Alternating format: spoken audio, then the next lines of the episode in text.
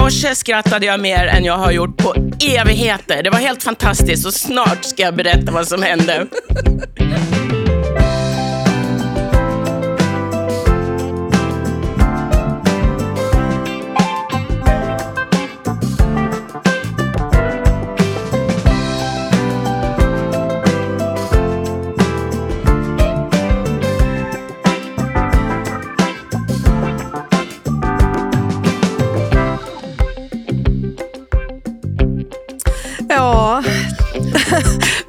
Välkomna till eh, podden En hyllning till livet får vi väl säga med mig Helene Wish Persson och Åsa Scharin. Ja, nu är det verkligen en hyllning till livet kan jag säga. För som jag skrattade i morse, alltså detta är... Ja. De brukar ju säga att ett gott skratt förlänger livet, Helene. Och i så fall lovar jag dig, jag kommer bli fem år äldre bara på det som hände när jag skulle hämta dig i morse för att åka till studion. Ja, och jag kan ärligt säga, Åsa, jag har känt dig i många år. Jag har aldrig hört dig skratta så hjärtligt. Du vet, sen när det kommer långt ner från magen. Och du kunde inte sluta. Jag kunde inte sluta och jag kände verkligen, jag tänkte för mig själv, det här är jättenyttigt. Det här, jag ska fortsätta så länge det är roligt. Och det är faktiskt fortfarande roligt några timmar senare. Det som då händer, och jag inser att det här, det här är faktiskt inte så himla roligt om man inte har upplevt det själv. Det är sånt där som man kallar för situationskomik, vilket jag älskar. Det är när saker och ting bara händer. Som man inte, det fanns liksom ingen plan. Och det som då händer är att jag eh, kommer hem till dig för att vi ska köra tillsammans till studion.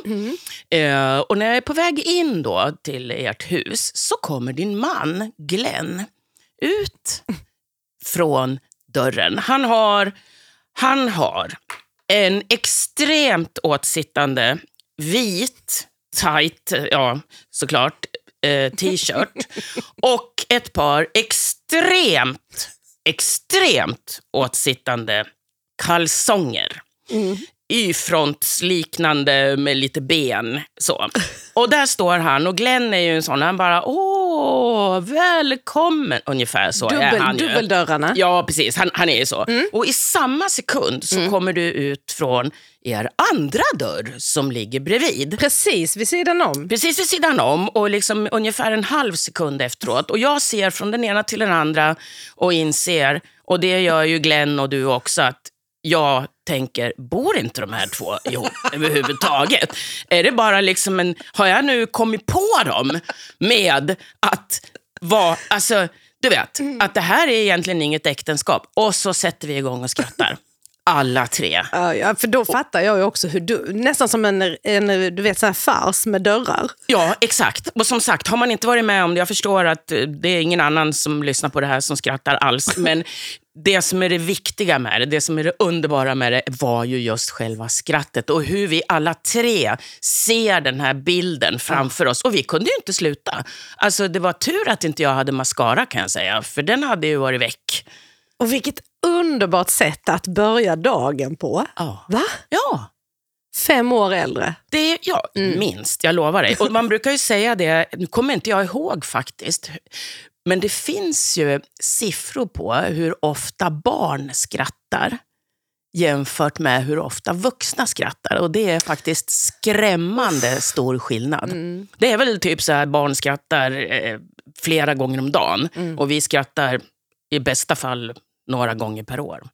Och där är ju faktiskt de vuxna som kan behålla det där barnasinnet, de tror jag får ett längre liv.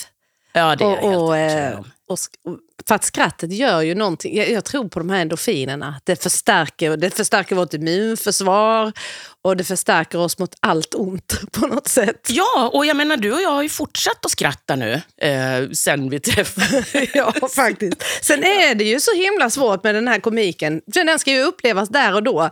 För att han kommer ut och sträcker ut armarna som någon slags, vad kallar du honom? Någon Adonis? Eller Ja, vad var det? Adonis, precis. Han såg ut som en Adonis.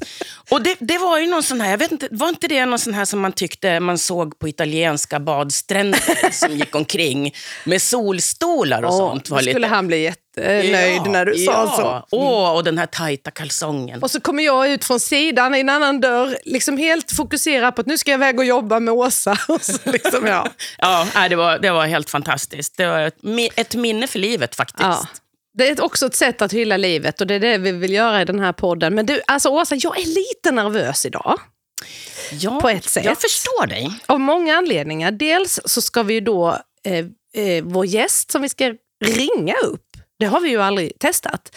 Eh, bara så, så det funkar liksom. Mm. Och sen det är det ju så mycket, liksom, du och jag har ju så mycket energi så att man vill ju gärna ha med den här personen, gästen. Men Ja. det går ju inte idag eftersom han sitter i Stockholm. Och han verkar vara en upptagen man. Han är så extremt upptagen. Jag kan säga att jag känner ingen människa i hela världen som är så upptagen som den här mannen. Men hur, hur, eh, hur lärde du känna honom från början? För jag har ju pratat med honom en gång innan när vi gjorde eh, vår, vår serie i, i Sveriges Radio om att våga prata om döden. Ja. Då var han ju också med. Och då var han ju faktiskt med, så du har ju träffat honom. Det har jag. Ja. Men hur träffades ni första gången? Vi träffades ju första gången efter den här eh, roliga incidenten när jag och min väninna Pia satt och drack champagne och kom på att vi inte ville dö om inte någon hade tagit fram en rosa kista.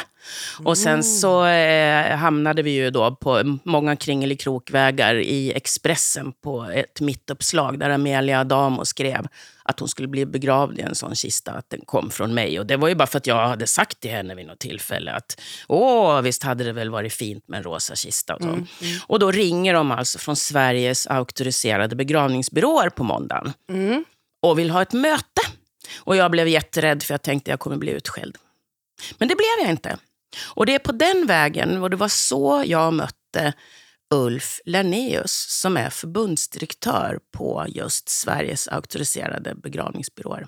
Så det är liksom högsta hönset vi ska prata med idag. Det här är högsta hönset, inte bara inom den svenska begravningsbranschen utan även internationellt. Därför att Ulf är också president of European Federation of Funeral Services. Oj, vad fint. Ja, det är helt eh, Men magiskt jobbar alltså med begravningsfrågor på europeisk nivå? också. Ja. Verkligen. Ja. Mm. Ja, vad Det spännande. här ska bli fantastiskt kul. Men du, innan vi testar så, så skulle jag vilja att du berättade för mig här om veckan om en sån fantastisk berättelse om eh, en pojke vars, var det farmor som hade, Ah. som hade dött? Var det inte så? Jo, det var det. Och det här är en, en, en eh, begravningsentreprenör i London. Han, jag kommer inte ihåg vad han heter nu, eller hette för han har dött. Men han var väl med i något sånt här begravnings-tv-program och var lite kändis. Så I alla fall så berättade han om att det hade kommit in en man på hans begravningsbyrå i London tillsammans med eh, sin son som var i tioårsåldern. Någonting. Och de skulle begrava eh, pojkens farmor, alltså mannens mamma. Och han hade tagit med sin son. Och det var lite grann på temat att vi eh, ofta, vi vuxna, vi vill hålla barn ifrån det här jobbiga som har med död och begravning att göra. Men den här mannen, han förstod att det var viktigt för sonen att få vara med och fatta beslut kring sin farmors begravning. Så de kommer in och de frågar, ja, vad ska vi göra? Ska det vara jordbegravning eller ska det vara kremering? Och ja, då tyckte pojken då att farmor ska kremeras. Ja. Och, eh, men hur ska vi göra sen med askan? Och då satt pojken och funderade. Så funderade han och så sken han upp och så sa han, jag vet, farmor älskade ju Ikea. Vi sprider askan på Ikea. Och då får ju begravningsentreprenören gå in och säga, jag är jätteledsen men här går gränsen, det är inte tillåtet. Så då mulnar ju pojken, då Pojken. lite grann. Ja, han blir lite ledsen och sen så funderar han ett tag och sen så skiner han upp och så säger han, ja men jag har en idé, pappa säger han och så vänder han sig till, till sin pappa. Han, vi tar askan i våra byxfickor och där har vi gjort hål i dem. Så går vi in på Ikea och sen så kan vi ställa oss i lite olika hörn. Och sen så liksom viftar vi, Skaka på skakar vi lite på benen så kommer askan ut genom byxbenet där så får farmor vara på Ikea. Ja, det är ju en Ja, underbar men är det inte en söt historia? Jo, det är en jättesöt historia. Och det är ju, alltså, det där får man ju inte göra såklart, men det är inte så lätt för ett barn att fatta. Han var inte så gammal. Nej, men han tänkte ju bara det här är farmors favoritplats. Så det är klart att hon ska vara på Ikea. Ja. Ja, det är en fantastisk historia. Men var exakt man får sprida askan, det är också sånt där, så det har man kanske inte riktigt koll på. Men Ulf Lennéus har väl stenkoll? Ulf har stenkoll på allt. Men vad säger du? Är vi, är vi redo Ja, att nu är försöka? vi redo. Nu ska vi, nu ska vi ringa Ulf. Välkommen till podden En hyllning till livet, Ulf. Lennéus. Det är ju många år sedan vi sågs, men om du bara ska beskriva för, för de som lyssnar nu, var, var är du någonstans? Var sitter du? Jag befinner mig i Stockholm på Sveriges auktoriserade begravningsbyråers kansli, nästan mitt på Söder. Och eh, vad står på din agenda idag? Eh, nu ska vi se, utöver detta så har det varit en del gällande upphandlingar när det gäller transporter av avlidna. Jag har efter det här intervjun så kommer jag ha ett möte angående hemsidor. Eh, hur en bra hemsida ska se ut och hur en bra hemsida kan uppfattas framförallt av den som är besökare. Mm. Och i helgen har du varit i Kristiansand i Norge. Just det, då var jag hos, min, hos vår syster, systerkollega, vår branschorganisation i Norge och hälsade på på deras årsmöte. Alltså jag fick ju se en jättehäftig bild på dig Ulf, där du sitter på, är det en sån här fyrhjuling eller var det en trehjuling? Trehjuling, trehjuling är det. Det är motorcykel med stödhjul. Alltså alla som känner dig vet ju att du älskar allt som har med motorer att göra. Ja, det, det är och har egentligen alltid varit ett stort intresse sedan långt tillbaka i tiden. Och det tror jag kan vara viktigt i den typen av, det är väl i alla arbeten i och för sig, men i, för en annan så betyder det jättemycket att göra någonting helt annat. Mm. Ja, för du, du har ju verkligen eh, döden eh, i din närvaro varje dag på något sätt, eller hur? Ja, det är det. Väldigt mycket döden, men vi pratar nog mera vi pratar ju mera egentligen om livet eftersom eh, vi har väldigt mycket kundkontakter så att säga med de efterlevande framför allt. Så blir det ju väldigt mycket om livet också men det är ju på grund av döden de hör av sig. Men gör det också Ulf att du värdesätter livet mer än vad du kanske hade gjort annars? Eh, ja, det skulle jag nog vilja säga. Man har ju liksom lärt sig under åren så att säga vilket man får värdera ibland vad som är viktigast. Eh, och här ser vi ju liksom varje dag hur snabbt någonting kan förändras. Så därigenom så skulle jag nog, känner jag själv så att säga, att det finns mycket småsaker som man värderar som man kanske inte hade gjort annars. Att det finns så mycket i livet som är värdefullt som man kanske tar för en, som en självklarhet. Och vi pratar ju väldigt mycket om det här i den här podden, eh, inte bara död men också hur vi tar vara på och hyllar livet. Hur hyllar du livet i vardagen förutom att du är motorintresserad och sitter på en trehjuling om du får möjlighet? Just det. eh, nej men jag tänker nog på det rätt så ofta så att säga. Framförallt det här att, eh, att vi får ingen tid tillbaka. Jag tänker på under pandemin så pratar man jättemycket om eh, att det här ska vi ta igen någon dag. Men för mig var det en helt omöjlig diskussion att hålla med om. Det går aldrig att ta igen det som är förlorat, inte när vi pratar tid. Utan det fanns ju även under den tiden så att säga man, man försökte hitta på saker som fanns ett stort värde av. För jag var så väl medveten om att den tiden kommer inte tillbaka så man kan inte säga att det här kommer vi att ta tillbaka. Det finns ingen möjlighet utan det gällde också att värdera under den tiden vad som var, man själv tyckte var viktigt och vilka möjligheter man hade under den tiden att kunna göra saker en dag. För det var en förlorad tid och det är varje dag vi inte gör någonting. Mm. Du är ju en, jag känner ju dig Ulf sedan många år tillbaka nu och du är ju en oerhört djupsinnig person.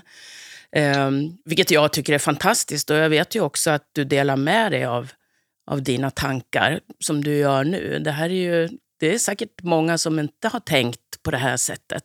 Att det Nej, det kan vara så. Nej. Eh, och det är nog det här som är det viktigaste som man bör bära med sig. Att, eh, ja, och vad vi gör med tiden så att säga. Och ibland får vi också fundera på vad som är viktigast. Men Ulf, eh, som förbundsdirektör för Sveriges auktoriserade begravningsbyråer, alltså man är ju lite nyfiken på hur du hamnade här överhuvudtaget. Just Går du, går, du, går du att dra det hyfsat kort, din historia där? När jag var 15 år så bestämde jag mig för att bli begravningsentreprenör. Min pappa var präst, så jag är granne och uppväxt precis intill en kyrka i Laxå. Och varje fredag åtminstone så såg jag eh, en begravning tvärs över gatan. Och eh, jag tyckte att det här såg väldigt värdigt ut när begravningsentreprenören gick först före kistan, lite som en tamburmajor. Gick före kistan och ner till bilen och var med och dirigerade eh, även när kistan skulle sättas i bilen. Det kändes väldigt värdigt för mig på något vis. Det tilltalade mig just den proceduren. Sen kanske det fanns lite lockelse att köra begravningsbil men eh, Mm, det var framförallt men det var yrket framför allt. Så jag bestämde mig då, eh, jag gick väl i nian då, så, men jag tänkte jag, kan ju, jag måste hitta på någonting om jag inte skulle trivas, för det visste jag ju inte. eh, men samma sommar där så fick jag vara med eh, den lokala begravningsentreprenören i Laxå och vara med honom första gången och svepa en person. Och efter den delen, när jag fick vara med en dag, så kändes det ännu bättre. Men eh, jag bestämde mig i alla fall för att jag måste ha något yrke att falla tillbaka till och då tyckte jag att eh, baka var roligt. Så eh, jag utbildade mig till konditor. Så jag visste att jag hade någonting att falla tillbaka på. Men precis när jag hade gjort klart skolan så blev det lumpen och sedan fick jag jobb på en gång inom begravningsbyråbranschen. Men har du tid att baka och sånt? Jag tänker på, eh, ditt jobb är ju oerhört eh, eh, omfattande. Kan, kan Det du är bara, baka det är bara någonting? kring jul och eventuellt lite till påsk blir det lite marsipan. Det. Inga semlor då? Nej, det var länge sedan nu faktiskt. Det var länge sedan. det är ju det bästa. Ja. Ja. Ulf är ju en sån semmelälskare. Oh, då, då är, då, jag, jag går i din parad då. Jag älskar semlor. Ja, jättegott. Verkligen. Jättegott. Men det, vi, vi tycker ju det här är så väldigt roligt. Att Åsa och jag får träffas och eh, spela in och göra den här podden och prata om eh, både tunga saker men också det roliga i livet. Men varför eh, ville SPF eh, starta den här podden? Vi tyckte att det här var en oerhört viktig del så att säga när det gäller att få ut ett budskap. Och nu har vi arbetat med en hyllning till livet eh, under en lång tid eh, tillbaka. Och då tyckte vi att det här var en oerhört fin utveckling på just eh, eh, citatet En hyllning till livet. Att också kunna kommunicera det i ett samtal. Och det har ju också varit kongress, 100-årsjubileet. Just det. Eh, hur, hur, hur är din bild efter det här stora mötet i Göteborg för några veckor sedan? Oerhört positivt och där märktes det väl liksom också att, att vi hade haft en pandemi så att säga och de allra flesta som kommer in i vår bransch är ju humanister. Eh, och med det tyck, brukar jag alltid säga att humanist, då tycker man om att umgås med andra människor. Det är en, en drivkraft. Och det visade sig väldigt tydligt när vi var 580 personer som träffades på ett gemensamt ställe att vi är väldigt mycket humanister för vi tycker om väldigt mycket att umgås.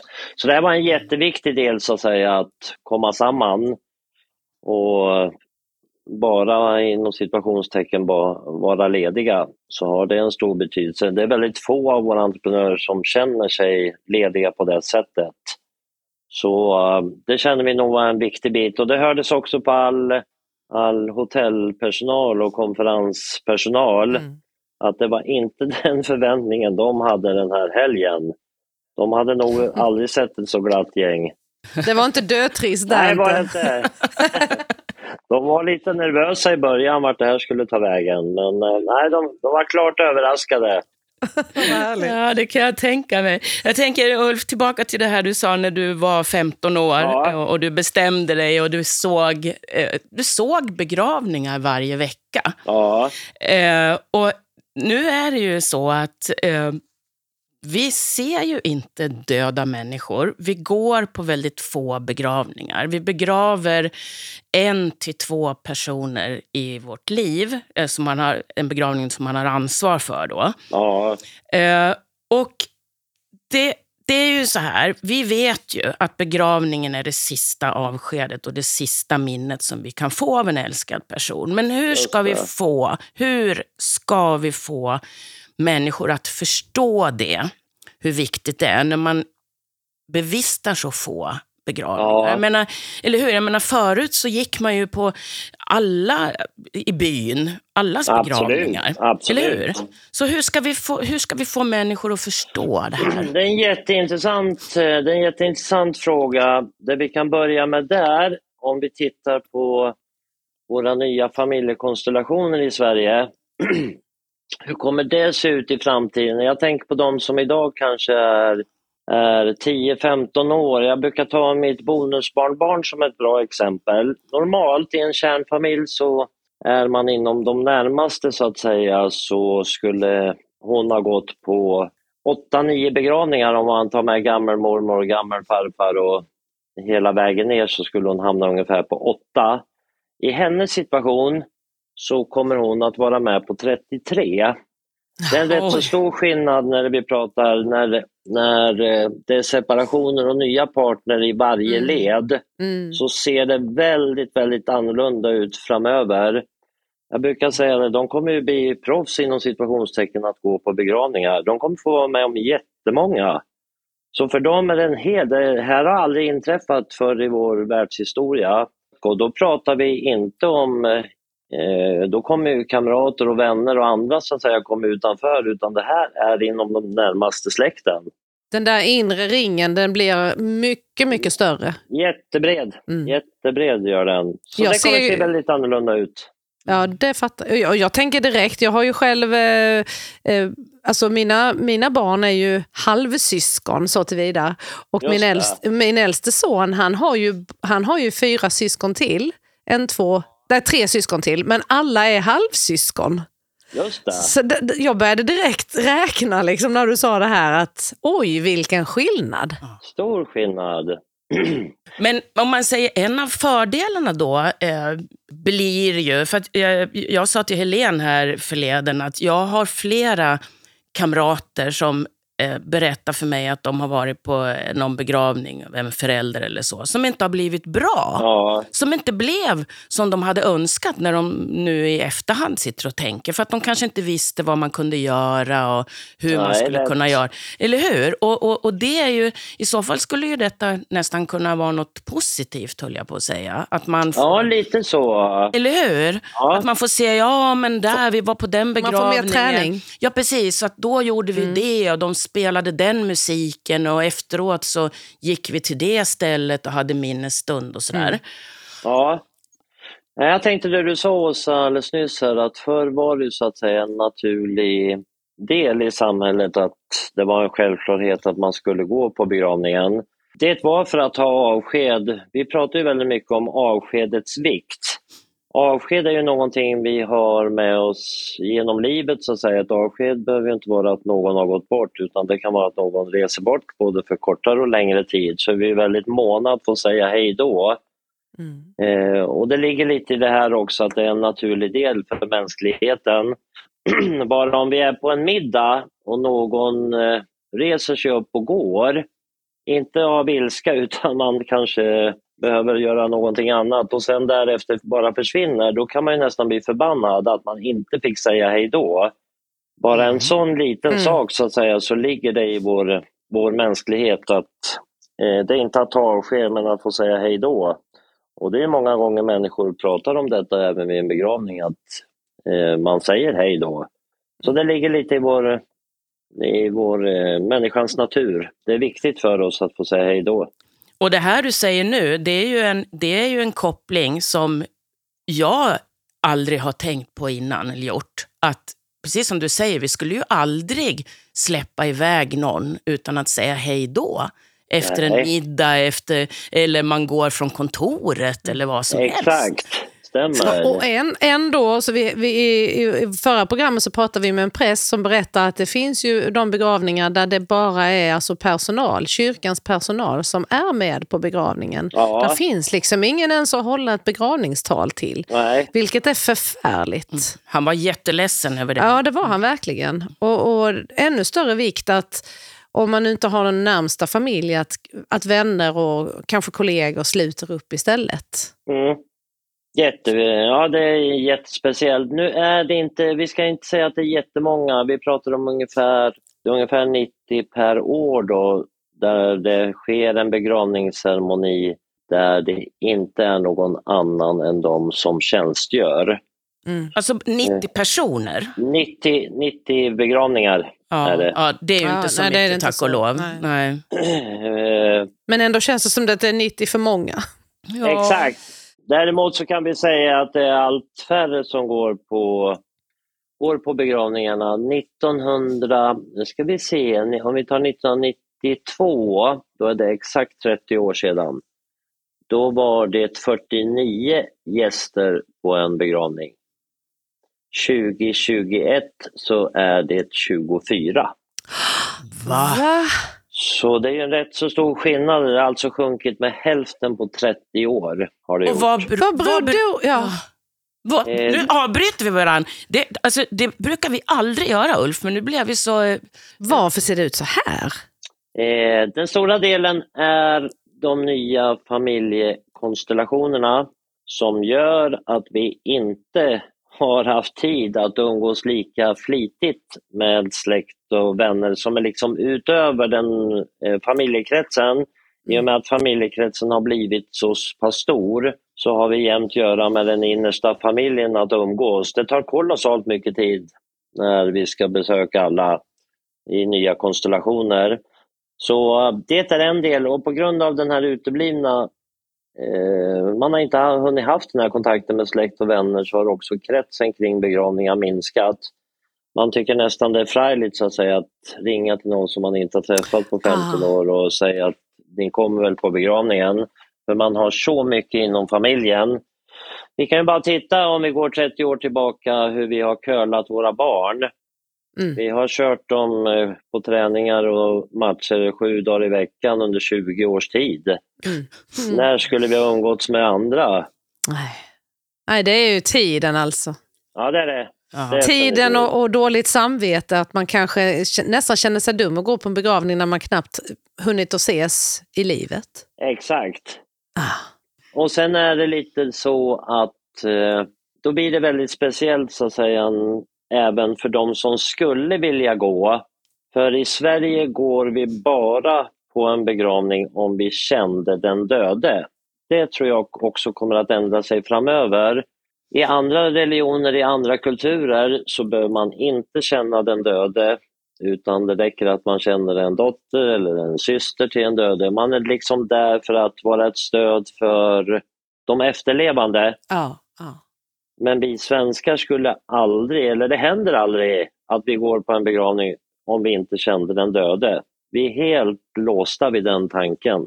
Ja, så det är en tanke som jag tror, om vi blickar framåt ungefär ja, 15-20 år, då kommer vi få börja se den ändringen. Det är ju min generation då som är kring 60 som har den här, eh, och äldre än mig så att säga, som har det att vi inte går på andras. Men eh, de som är 30 idag Mm. kommer att börja gå på begravningar, då kommer vi få se annat. De kommer säkert ha med sig kamrater. Den dagen jag går bort så kommer mina döttrar säkert ha kamrater med sig som inte känner mig. Men som känner dina barn? Exakt. Eller? Ja, jag fattar. Exakt. För jag kan också tänka att det känns ju som att eh, mänskligheten, eh, i alla fall om vi tittar på här hemma i eh, Sverige och i västvärlden, vi blir mer och mer individualister. Eh, och och eh, den unga generationen, de, eh, jag, jag, jag upplever det så i alla fall. Och är det någonting, men då, då tänker du ändå att det, det kan påverka positivt när det gäller antalet besök i, i kyrkorna på begravningarna framåt? Ändå. Absolut, inte bara antalet, men det kommer, antalet kommer att öka för de kommer att dra med sig någonting positivt. Och Det tycker jag är en väldigt fin tanke just där med att vara med och stötta de som är anhöriga. Mm. Eh, Det är en oerhört viktig del och det vi också kan se längre fram med de som är 30 idag, de kommer också att avsätta tid för begravningen. Idag har vi jämt göra, i min generation har vi jämt göra liksom att hitta en fredag eftermiddag då vi kan vara lediga eh, för att ha en begravning. Så kommer inte framtiden att se ut. Eh, 30-åringarna idag tycker det det är en jätteliten del liksom att vara, vad är det för bekymmer att vara ledig fyra, fem dagar när någon nära anhörig har gått bort. De kommer att avsätta tid på ett helt annat sätt. Men det låter hoppfullt. Ja, Ja, jag brukar säga det att eh, då får vi tillbaka allt kölande. Om vi tyckte Ah. det var kämpigt vi- när, när vi kölade så betydde det ändå någonting, brukar jag säga. Det betydde att vi fick en helt annan eh, relation och den kommer de att bära med sig. alltså den, den, den här cirkeln som du beskriver nu är ju fantastiskt spännande.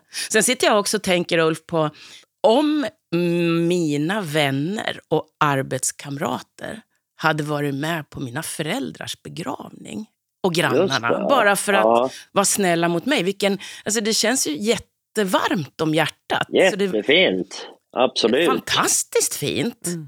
Men visst är det väl ändå så att vi idag låter bli att gå på en sån begravning för att man tänker, ja men jag har ingenting där att göra. Känner man inte lite så? Jo, absolut. Helt klart, visst är det så. Jo, det hör man nog väldigt. Eh, det hör man faktiskt väldigt ofta. Mm. Men där finns det oftast en osäkerhet så att säga på grund av eh, kontakten har varit långt emellan och de här olika bitarna. Men vi ser ju direkt till exempel när pandemin ändå fick ett någorlunda slut, även fast smittan finns kvar, så kom ju folk väldigt snabbt tillbaka ändå till begravningar. Mm. Mm. Ja, Så det, ju betyder nog ändå någonting. Ja. Nu får jag plötsligt eh, ett infall här. Kommer ni ihåg filmen eh, Den tatuerade änkan? Ja. Ah. Ja, just det. Ja, hon gick ju på alla begravningar. Hon Ja, tittade ju i tidningen Ja. och, så, och letade män. Det var ju också lite... ja, det var ett annorlunda sätt. Det var lite annorlunda. Ja. Men eh, hon gjorde ju också lite nytta får man ändå säga. Ja, det får man Alltså, säga. Ja, ja, Var på absolut. plats. Men det är kanske ja. den nya given. Det är och det vara. Ja, titta i tidningarna och säga, ja, Men du Ulf, eh, om man, om man ser till begravningen i stort då, om du tänker på, har det skett någon förändring? Hur, hur har den liksom utvecklats, begravningen, under de senaste, vad ska vi säga, tio åren? Har det skett någon förändring? Ja, det har det gjort. Och du var själv inne på det lite med individualismen. Eh, så blir vi, blir vi mera individualister så att säga. Vi ska ha våran, ja den ni nyss nämnde, vi ska ha våran egen personliga tatuering. mm, Eh, vi ska ha våran personliga registreringsskylt på bilen. Mm. Det är så här små saker som liksom följer med. Och det, jag har alltid sagt det egentligen att begravningarna har i alla tider varit ett facit på hur samhället ser ut och mår. Och det, det är det fortfarande. Eh, och då kan vi ta det här med individuella begravningar. Eh, så blir de allt tydligare så att säga. Man vill ha den avlidnes eh, musik som man tyckte om. Man kanske istället för blommor på kistan så vill man ha ett kastspö eller vad det nu kan vara eller ett musikinstrument. Mm. Vi kan också se det här att hur man vill sprida askan över vatten. Eh, tidigare så var det egentligen bara för människor som hade ett arbete på sjön eller hade sin, bodde ut med vatten som hade det önskemålet.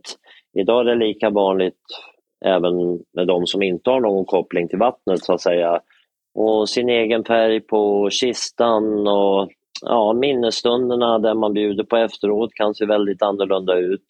Matväg, att man liksom väljer någonting som personen i fråga Ja, tyckte ja. väldigt mycket om. Vi Jag tänkte, förlåt, nu fick jag faktiskt en idé, Helene, Ja, här, som ja. jag tänkte var rolig. När det, Ulf, du tog upp det här med spridning av aska, för det pratade nämligen Helene och jag om innan vi lyckades ringa upp dig. Att du Ja. har ju koll på var man får sprida aska och hur det här går till och vad, vad man ska göra. Och på Ikea får man ju inte sprida askan. Nej, nej göra. det får man inte. Nej. Och då eh, i alla fall så kommer jag ihåg när vi gjorde det här direktsända radioprogrammet och du var med. Ja, Så var det ju otroligt många människor som ringde in och hade frågor. ja. Och då är min fråga till dig Ulf, finns det någonstans, för att nu så kan ju inte människor ringa in och fråga. Nej. Men kan man få svar på såna här frågor man har kring sin begravning? Och Någonstans? var Finns man kan sprida Ja, askan. vem- och... kan man ringa någonstans? Har ni någon sån funktion till exempel? Ja, vi kan också hjälpa till. Men i Sverige så är det, vi har ju 21 länsstyrelser och det är länsstyrelsen i respektive län där man ska sprida sin askan som avgör om det går eller inte. Så det kan alltså variera lite grann var du, var du bor? Stämmer, och man kan inte Aha. ansöka, man kan inte ansöka om tillstånd förrän man själv är avliden. Du kan inte få ett förhandsbesked, så kanske är bättre att säga. Mhm. Om jag, skulle, om jag skulle känna mig sugen på så kan inte jag skicka in en ansökan idag och vilja gravsättas den dagen jag dör. Utan det kan endast ske efter dödsfallet. Men grunden kan vi säga, i vatten så är det sällan ett problem. Det ska vara 300 meter från land om vi pratar en sjö. Eller det kan också vara i rinnande vatten så att säga, små älvar, bäckar och så, den typen. Det, det är över 80 procent av de som ansöker som vill ha sin aska spridd i vatten.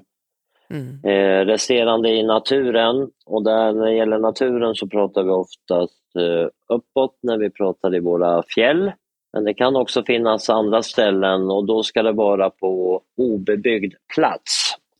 Att få göra det på sin tomt är inte möjligt. Nej. Eh, dels så kommer vi inte kunna garantera att den här tomten kommer gå i arv i alla tider.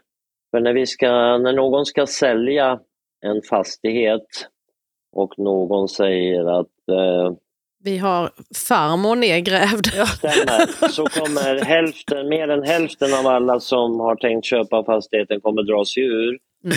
Mm. De, de ser en kista framför sig ute på gräsmattan. Ja, Man har jag svårt, vi, Ja. vi har svårt att skilja på aska och vanligt. Ja, ja. Men att man vill sprida askan i vatten kan ju kännas ganska naturligt. Vi, vi, ju, vi kommer ju från vattnet på något sätt. Vi är födda i vårt fostervatten och det känns som Exakt. cirkeln lite är sluten. Men, men du är lite nyfiken också på Ulf, eh, eh, som president då i det här otroligt långa namnet European Federation Ja. of Funeral Services. Eh, då jobbar du med begravningsfrågor eh, ur det europeiska perspektivet gissar jag. Exakt. Och, och ser du då Ja. några skillnader i, runt om i Europa? Och, om du jämför med Sverige när det gäller begravningarna?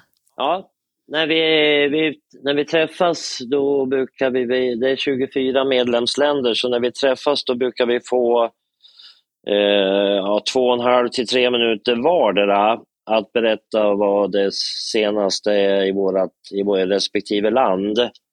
Eh, och då säger de alltid att då måste Ulf få komma sist, annars har inte vi någonting att berätta. För de är fortfarande väldigt, eh, de är väldigt traditionella så att säga och har en betydligt starkare eh, trosuppfattning. Mm. Eh, betydligt mera. Så där händer, det händer saker men Lite går långsammare. Väldigt, väldigt, eh, väldigt, väldigt sakta. Jag förstår. Och man behöver väl inte gå så mycket längre än till eh, Norge och Danmark, Ulf? Absolut, absolut inte. Nej, nej. Nej, och där skiljer det också. Vi ligger ju långt före dem, så att säga. Nu är inte det kanske alltid någonting att skryta med vad det gäller våra familjekonstellationer. Det märker man ju när man kommer ut i Europa. Då, där frågar de inte om man är gift längre när man pratar med mig, utan man frågar hur många gånger man har varit gift när de hör att man kommer från Sverige. det är också... ja, men italienarna är väl också ganska bra på det Det är där? de, absolut. Ja, ja, ja, ja, ja. Det ja. är de. Ja, det är helt underbart. Men där de slår oss, där de slår oss oftast av när det gäller Sverige så är det den långa tiden mellan dödsfall och begravning. Mm. Eh, att vi väntar så länge. Just det. Eh, vi ligger alltså på lite drygt 24 dagar mellan dödsfall och begravningsdag. Och i vissa länder ska det väl gå på väl, bara några dagar? Ja, ja ta, vi kan bara gå till Danmark, där är det fem dagar. Mm. Och som sagt, det är ju inte Eh, långt Eller åtta, åtta dagar, åtta dagar, ursäkta. Mm, Åtta mm. dagar är det i Danmark. Kommer vi däremot ner i Belgien, Frankrike, eh, då pratar vi alltså fem dagar man har på sig. Så det är en stor skillnad där.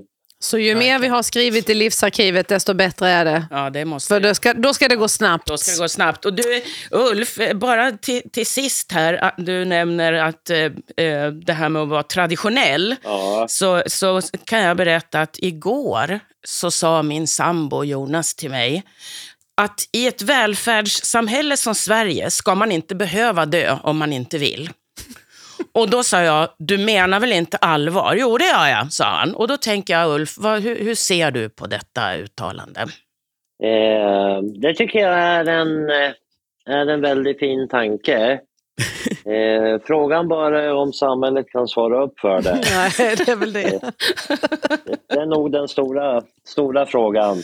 Ja, ja det, han var oerhört besviken över, över att eh, det inte var så i alla fall. Men Ulf, eh, avslutningsvis om man vill eh, ställa sina frågor och läsa mer om vad ni pysslar med på SPF Sveriges auktoriserade begravningsbyråer, vart ska man vända sig? För det första så har vi en konsumentrådgivningstelefon som alltid är öppen där man kan ringa och få svar på frågor. Och det är mängder med frågor som vi får den vägen. Vi pratar om ungefär 15 000 samtal per Oj. år. Och där brukar jag säga, där har vi också sett en stor förändring. För 10-15 år sedan då var den vanligaste frågan vilken färg på slipsen ska jag ha? Idag är den vanligaste frågan, vem av oss har rätten att få beställa begravningen? Det är rätt så stor skillnad i eh, frågeställning. Ja, verkligen. Jättestor skillnad. Så det är en del att eh, ta kontakt med vår konsumentrådgivningstelefon. Det andra är att gå in på begravningar.se frågor och, Och där svar. kan man också hitta vår podd. Exakt. Ja, det Dessutom. göra. Den ligger också där. Ulf, jag känner så här att eh, det är nog inte sista gången vi har med dig i vår podd. Nej, Det var fantastiskt att få prata med dig. Eh, Jag skulle ju fråga vad, hur, hur har du tänkt dig liksom ett liv efter detta och allt möjligt, men vi får helt enkelt spara det. Vi får ta Det får bli en annan gång Ulf. Ja. Det, vi sparar det både bokstavligt och bildligt. Så tack snälla Ulf för att du ville vara med. Tusen tack. Tack själva. Ja, och ha nu en underbar dag Ulf och njut av livet. Ja, tack. Det ska jag göra. Tack för det. Tack själv och det ska vi också göra Åsa. Eh, fantastiskt att återigen få möta dig. Eh, jag tar med mig så mycket. Vi ska försöka ha en liten en annan introduktion nästa gång. Kanske med ett skratt igen, vi får hoppas. Det är jag övertygad om, Helene. Sköt om dig. Detsamma och du som lyssnar, ha en riktigt fin dag.